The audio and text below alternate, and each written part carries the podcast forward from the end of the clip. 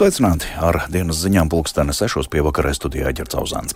Vispirms ieskats tajā, ko vēstīsim. Tā saucamo Maskavas nama Rīgā pēc pārņemšanas valsts īpašumā plānots pārdot. Ienākums varētu novirzīt Ukrainai. Jauno vilcienu defektu novēršanai ministrs dod laiku uzņēmumam Škodava Gonka divus mēnešus.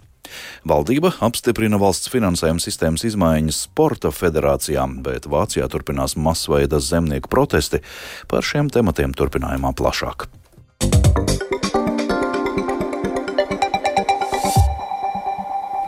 Tā dēvēto Maskavas nāmu pārņems valsts īpašumā, lai vēlāk ēku visticamāk pārdot izsolē. Tās spriedz Saimnes aizsardzības iekšlietu un korupcijas novēršanas komisijā, kas lēmumu projektu virza pieņemšanai galīgajā lasīmā jau šonedēļ. Valdībai ziņojumā vēl būs precīzi jānosaka turpmākā rīcība ar ēku Marijas ielā septiņi. Par atbildīgās komisijas sētē lemto vairāk Jāņa Kīņšas sagatavotajā ierakstā. Arī pēc Krievijas pilna mēroga iebrukuma Ukrainā tā saucamajā Maskavas namā Rīgā kultūras pasākumu un interešu izglītības aizsargā telpas iznomātas norisēm, kas liecina par atbalstu Krievijas īstenotajai agresīvajai ārpolitikai. Šāda sēkas atrašanās pašā Rīgas centrā nav pieļaujama. Tā Maskavas nama pārņemšanas ieceri pamatoja Saimnes Nacionālās drošības komisija un Tieslietu ministrija. Likumprojekta par rīcību ar nekustamo īpašumu, kas nepieciešama valsts drošības apdraudējumu novēršanai, mērķis ir atspoguļots tā nosaukumā, uzsvēra Saimnes Nacionālās drošības komisijas vadītājs Ainārs Latkovskis no jaunās vienotības. Valdībai ir jālemj, ko darīt. Visticamāk, atsvināšana, tātad izsola un pārdošana. Valsts netaisās iedzīvoties uz šī te vai izmantot šo te īpašumu. Līdz ar to tā nav nacionalizācija un uh, iekasēto naudu nodod Ukrainai, teiksim, atjaunot solis, kurš ir bombardējuši vai bērndārs Krievijas pusi tieši šādiem mērķiem. Deputāta izteikumi bija arī kā reakcija uz Latviju pirmajā vietā frakcijas deputāta Edmunda Ziltiņa atkārtotiem jautājumiem, cik valsts budžetā izmaksās pārņemtā nama uzturēšana. Ir zināms, ka pārņemot ēku būs jāsadz ap 36 tūkstošiem eiro liels zemes nodokļa parāds, kā arī jāparedz ēkas uzturēšanas izmaksas, kas lēstas ap 460 tūkstošiem eiro gadā. Izdevumi valsts budžetā neplānotu saimnes lēmumu rezultātā ir apmaksājumi no līdzekļiem neparedzētiem gadījumiem, un tā tas notiks arī šajā gadījumā. Šīs ēkas īpašumtiesības pirms vairāk nekā 20 gadiem ir nostiprinātas Maskavas pilsētas īpašuma departamentam. Taču šo namu nesargā tāda veida saistības kā konsulārajām ēkām. Saimā lēmumu par tā saucamā Maskavas namu pārņemšanu plānots pieņemt jau šajā ceturtdienā, un likums stāsies spēkā nākamajā dienā pēc saimnes lēmuma. No tā brīža ēku tās tagadējiem iemītniekiem būs jāatbrīvo septiņu dienu laikā. Savukārt valdībai līdz marta beigām būs jāvirza ziņojums par turpmāko rīcību ar šo ēku. Jānis Kincis, Latvijas Radio.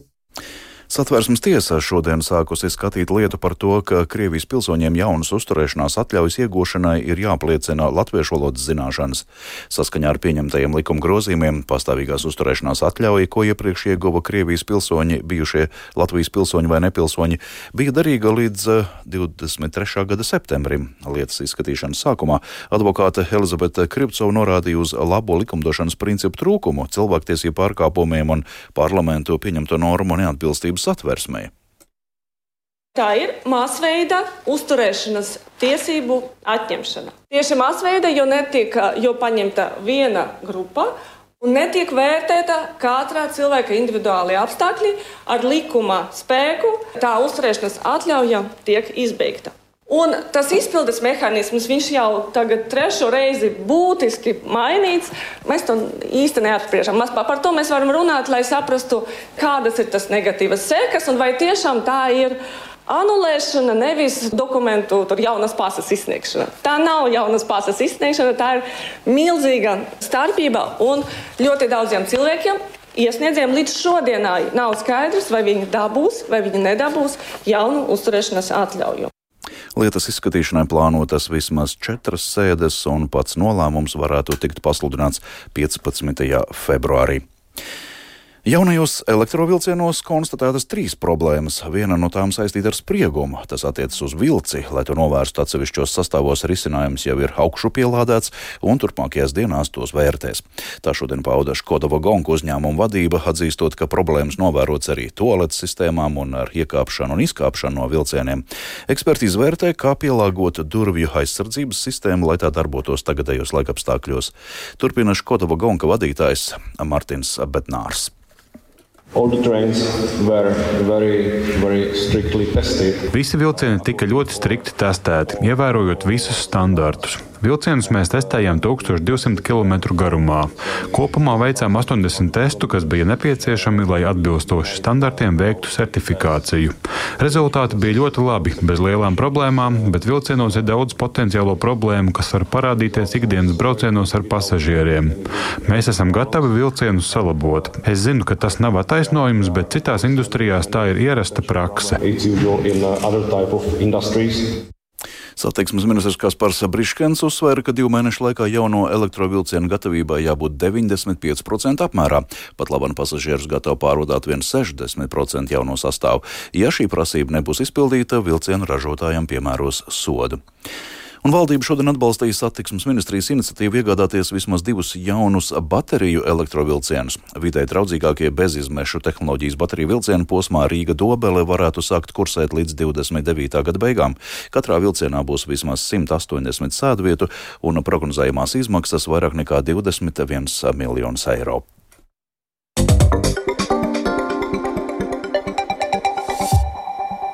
Eiropas Savienības dalībvalstis uzskata bijušo Itālijas premjeru Mario Draghi par vienu no galvenajiem kandidātiem Eiropadomas priekšsēdētāja amatam. Tā atsaucoties uz vairākām Eiropas Savienības amatpersonām, tostarp diplomātiem, vēsta Britu laikraksts Financial Times. Kā norāda laikraksts, Draghi pietuvināti avoti savukārt paziņojuši, ka pats bijušais Itālijas valdības vadītājs nepretendē ne uz vienu vadošo amatu Eiropas Savienības institūcijās. Turpina Rustams Šukurovs. Laikraksts norāda, ka citi potenciālie Eiropadomes prezidenta amata kandidāti ir pašreizējais Spānijas premjerministrs Pedro Sančes un pašreizējā Dānijas valdības vadītāja Mete Frederiksena. Atšķirībā no Dragi, abi premjerministri ir saistīti ar lielākajām Eiropas politiskajām partijām, kas ir svarīgs faktors iecelšanai Eiropas Savienības institūciju vadošajos amatos. Dragi bezparteiskums varētu viņam kaitēt, laikrakstam sacīja kāds vārdā nenosaukts Eiropas Savienības diplomāts. Tāpat laikraksta publikācijā minēts, ka, lai gan Itālija varētu atbalstīt Dragi virzīšanu augstajam amatam, Centrāla Eiropas un Austruma Eiropas dalību valstis jau ilgstoši norāda, ka rietumeiropieši pārāk bieži ieņem vadošos amatus Eiropas Savienības institūcijās. Vācijā jau otro dienu turpinās masveida zemnieku protesti. Lauksaimnieki ir neapmierināti ar valdības plāniem krasi samazināt subsīdijas dīzeļdegvielai, kas tiek plaši izmantota dažādas tehnikas darbināšanai. Valdība norāda, ka tā jau ir ieklausījusies zemnieku prasībās un samazinājumi nesot tik lieli, kā bija sākotnēji plānots. Izskan arī bāžas, ka lauksaimnieku protestus sev par labu izmanto dažādi radikālie politiskie spēki. Plašāk stāsta Arķems Konohaus.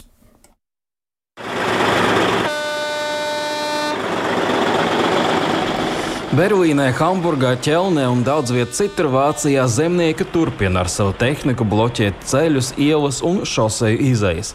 Meiklenburgas priekšpomerānijas federālās zemes varas iestādes pirmdien ziņoja, ka tās teritorijā ir bloķētas visas pieejas lielceļiem.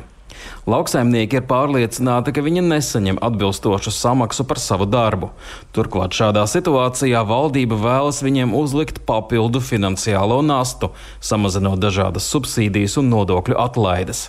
Atbalstu zemnieku nostājai pauda gan atsevišķa federālā kanclera Olafa Šolca sociāldemokrātiskās partijas biedri, gan arī opozīcijas politiķi no kristīgajiem demokrātiem. Viņu vidū arī Ziemeļreinas Vestfālenes federālās zemes premjers Hendriks Vists. Es geht im Kern ja darum, ob die Landwirtsfamilien. Jautājuma būtība ir tajā, vai zemnieku ģimenēm ir nākotnes izredzes. Nekad neesmu redzējis, ka jauna paudze pārņemtu saimniecību un tajā neieguldītu. Vienmēr notiek ieguldījumi. Tas tiek darīts gan dzīvnieku labturības vārdā, gan patērētāju vārdā, lai produkcija būtu mūsdienīgāka. Tagad tas vairs nenotiek, jo jauni cilvēki ir satraukti. Tam nāk klāt šie papildu izdevumi. Tāpēc es izprotu lauksaimnieku satraukumu, grūtības un bažas. Sorgen Sorgen, Nöte un die Anliegen der Landwirtschaft. Tomēr izskan bāžas, ka šos protestus saviem mērķiem varētu izmantot radikāli noskaņota spēki. Atsevišķās demonstrācijās ir redzama viņu atribūtika. Tādēļ Vācijas ekonomikas un klimata rīcības ministrs Roberts Habeks, kuram nesen mēģināja uzbrukt protestētāju grupa, sacīja, ka daži demonstranti patiesībā sapņo par apvērsumu rīkošanu valstī. Vācijas valdība jau ir piekāpusies daļai no zemnieku prasībām, bet demonstranti uzskata, ka ar to ir par maz. Arcījums Konahaus Latvijas Rādio Briselē.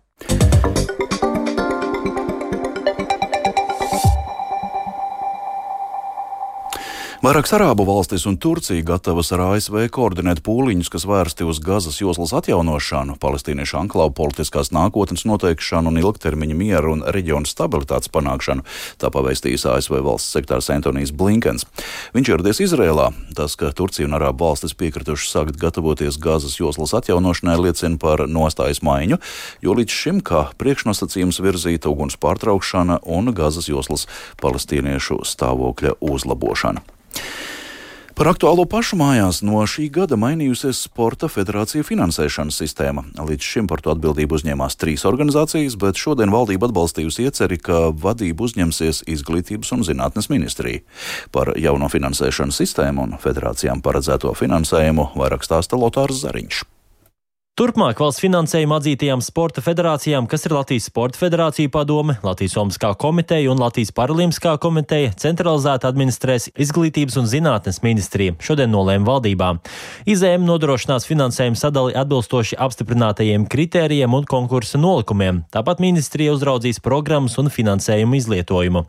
Izējuma valsts budžeta dotāciju sporta organizācijām, kā arī programmu un pasākumu atbalstam, plānotais finansējums ir nepilni 18 miljoni eiro. Bet uzņēmēji uz optimismu cer gada otrajā pusē, jo šobrīd ekonomika bremzējas. Tā intervijā Latvijas radio sacīja Latvijas Tirzniecības un Rūpniecības kameras valdes priekšstādātais Jānis Enziņš.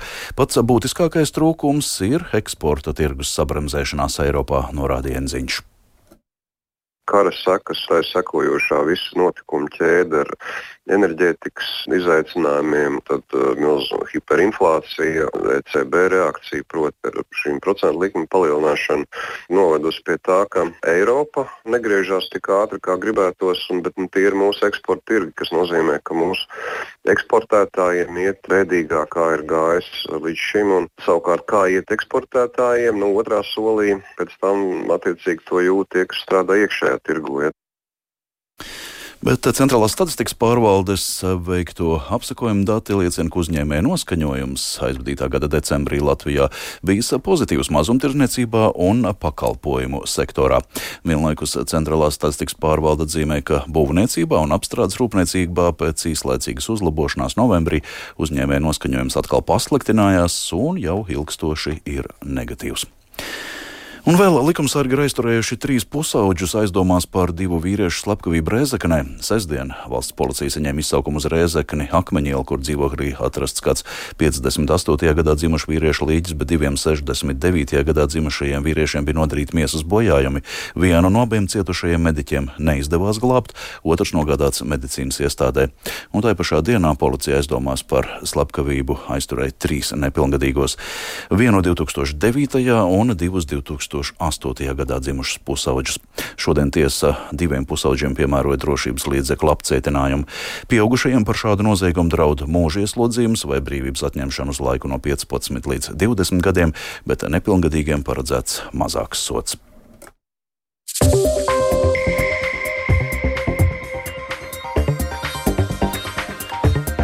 Līdz ar to izskan dienas ziņas sešos pievakarē. Tās producēja Edgars Kupčs par labskaņu rūpējās sievietes zvejniece un Huldis Grīnbergs studijā Ģercauzāns.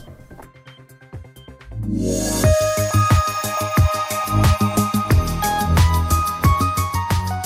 Kā ziņo Latvijas vidas geoloģijas un meteoroloģijas centrs, Rīgā šobrīd ir 2 grādi, ziemeļrietumu vējš 5 m2, atmosfēras spiediens 772 mm un relatīvais mitrums 90%.